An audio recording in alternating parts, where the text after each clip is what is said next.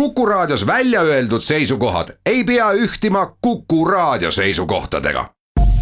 Te kuulate Kuku Raadiot.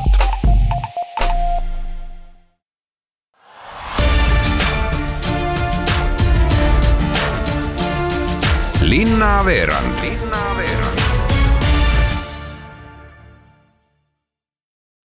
tere kõigile Raadio Kuku kuulajatele, mina olen Piret Päiv-Rist ja Viljandi linnaveerand on alanud ning meie esimene teema räägib sellest, et Viljandi gümnaasium on otsustanud oma õpilastele hakata andma kelneriõpet.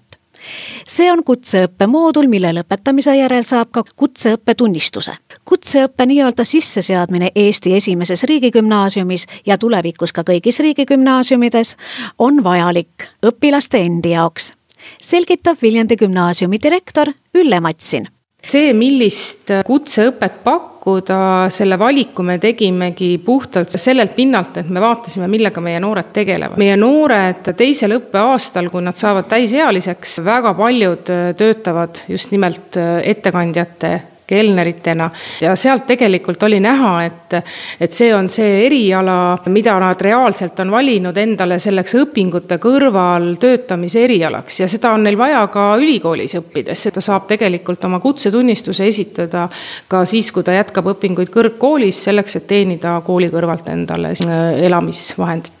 Viljandi gümnaasiumi direktor Ülle Matsin märkis sedagi, et tulevikus on kavas gümnaasiumisse veel juurde luua kutseõppe erialasid. Need õpilaste õpiteede valikud äh, võiksid olla rohkem lõimitud, see tähendab, et ei oleks nende erinevat tüüpi haridusasutuste vahel väga kõrged seinad ma arvan, et see on selline tuleviku haridussuund ja mis puudutab nüüd näiteks seda äh, õpet veel, siis äh, nad hakkavad meil kõik need õpilased, kes selle mooduli valivad, mm, oma töö raames tegema praktikat, nii et need õpilased saavad kogu oma selle praktika õppe raames sooritadagi sellel töökohal, kus ta täna töötab. väga tore oleks olnud seda võimalust pakkuda juba nendele noortele, kes meil täna siin Viljandi linnas kohvikutes ja restoranides töötavad, aga et äh, nüüd me ikkagi vähemalt jõudsime loodame, et, et saavad nad järeltulevad õpilased seda võimalust kasutada. igatahes väga huvitav ja samas väga vajalik teema ja mõte. ma loodan ise sedasama.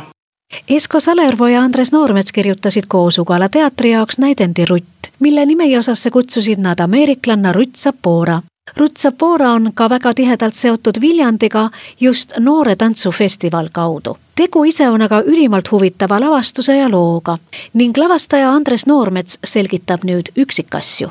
kirjutatudki sellele koosseisule, kes meil siin parajasti tegutseb, arvestades nende persoone, nende eripärasid. Ja, ja see räägib tänasest päevast, sellest äh, Gordioni sõlmest, mis meil siin on tekkinud, võime vaadata, et meie, meie ühiskondlik elu on niimoodi sassis ja tihti on inimeste elud on sassis ja me käimegi ühe niisuguse sasipuntra läbi ja vaatame, kuidas need asjad võiksid laheneda. ja meil on siin abiks või, või kambas äh, Ruth Sapora Ameerika Ühendriikidest, kes tegelikult tegutseb absoluutselt äh, sada kaheksakümmend kraadi erinevas teatrimaailmas ja noh, see üks eesmärk ongi see olnud, et need kaks asja kokku panna sellepärast et Rutt on üle kahekümne aasta olnud minu õpetaja ja tema tegevuslikku improvisatsiooni meetodit ma valdan päris normaalselt. ja mul on kogu aeg olnud kahju, et, et kui Rutt on Eestis, siis teda näeb ainult niisugune näputäis inimesi, kes huvitub, ütleme, kaasaegsest tantsuteatrist ja tavavaatajani ei ole tema täiesti erakordne lavaisiksus jõudnud ja see on ka üks niisugune selline lähtemoment teda tuua inimeste vaatevälja, miks me üldse selle asjaga pihta oleme hakanud. tegevusliku improvisatsiooni meetod baseerub inimese kehal, aga inimese keha hulka ei loeta ainult seda, mis on nii-öelda allpool pead, vaid ka pea on keha osa. Ja kui pea on keha osa, siis on ka aju keha osa. Ja kui aju on keha osa, siis on ka mõtlemine keha osa. Ja on hääl keha osa ja on kehaosa isegi tekst, mis nii-öelda tuleb peast välja hääle kaudu. see teater, mida tehakse Eesti Tekstiteatris, põhineb lugudel ehk valmis dramaturgial. kõike seda tegevuslikku improvisatsiooni meetod ei eita, vaid ta lihtsalt ei pööra sellele tähelepanu, selgitab lavastaja Andres Noormets. vaadatakse inimese keha kui absoluutset tervikut, kõik need asjad tekivad siin ja praegu selles ruumis, selles olukorras, kus see näitleja, etendaja tegutseb. Eesti inimesele arusaadav teater räägibki ühte lugu ühest perekonnast läbi nelja põlvkonna, aga sinna on kaasatud üks osake, mis on etteaimamatu ja, ja Rutil ongi tegelikult võimalus päris suures osas selle struktuuri sees improvisatsiooniliselt vaba olla. põhimõtteliselt viis etendust me mängime ja suur osa sellest, mida ta teeb, on lihtsalt raamitud, tähendab, et on teada algus ja lõpp ja päris tihti ka ikkagi on noh, enam-vähem ajaline piir on olemas. mis ta konkreetselt sellel päeval seal sees teeb, noh seda näeb iga kord uuesti. kõik saavad suurepäraselt aru, kust liigutakse, kust alustatakse, kuhu jõutakse ainult et seal sees on üks vaba elektron. lavastus Rutt tuuakse Ugala teatris lavale koostöös Noore Tantsufestivaliga ja etendust mängitakse Ugala teatris vaid viis korda. ja etendused toimuvad kuni kolmekümnenda juunini ning seitsmendal juulil on viimane etendus lavastusega Rutt. ja seda kõike Ugala suures saalis. Viljandi muuseumis on avatud näitus Adissua, mis eesti keeli tähendab õppimine. see on Aafrika kultuuri ja traditsioone tutvustav näitus, kus on eksponeeritud Ashanti hõimu ehted, kangad, puidust kammid ja maskid Ghanast. lisaks võib väljapanekus näha erinevate Aafrika hõimude käsitööd näituse autoriteks on abielupaar Gilbert ja Annika Jones, kes toovad vaatajateni killukesi kuninglikust Ashanti hõimu kultuurist Ashanti hõim Ghanas on üks domineerivamaid ja nad on tänapäeval kuulsad ennekõike oma käsitöö ja iidsete kunstiteoste, eriti värviliste kangaste poolest. idee näitusest sündis siis, kui naasti aasta alguses viimaselt reisilt koos haruldaste antiiksete maskide ja muu unikaalse käsitööga. lisaks saab vaadata reisivideosid ja ajaloolisi fotosid Ashanti hõimukuningatest ja Annika Jones on nii-öelda Eesti poole pealt see inimene, kellel on oma lugu rääkida Aafrikast ja näitusest ja armastusest. kui äh, piirid läksid lahti võimalus tekkis, siis lihtsalt asjad kujunesid niimoodi, et ma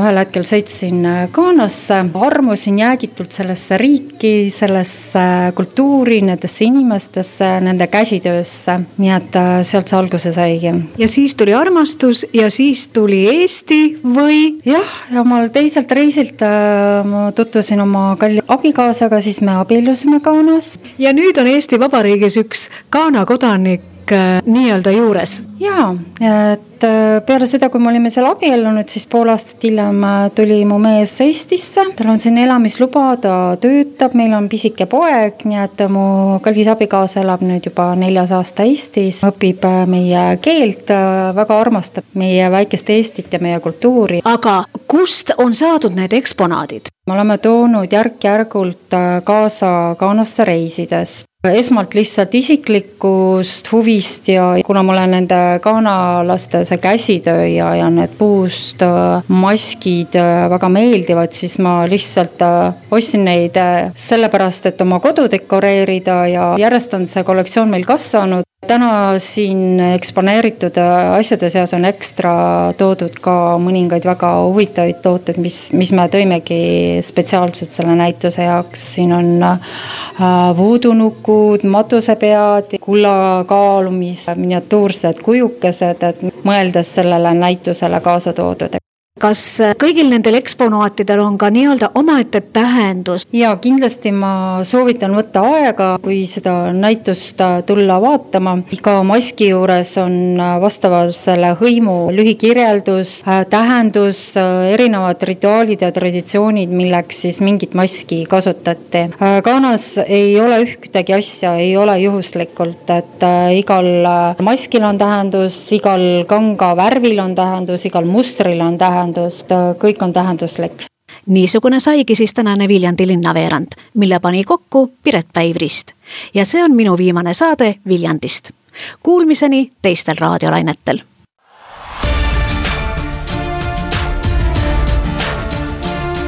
linnaveerand. linnaveerand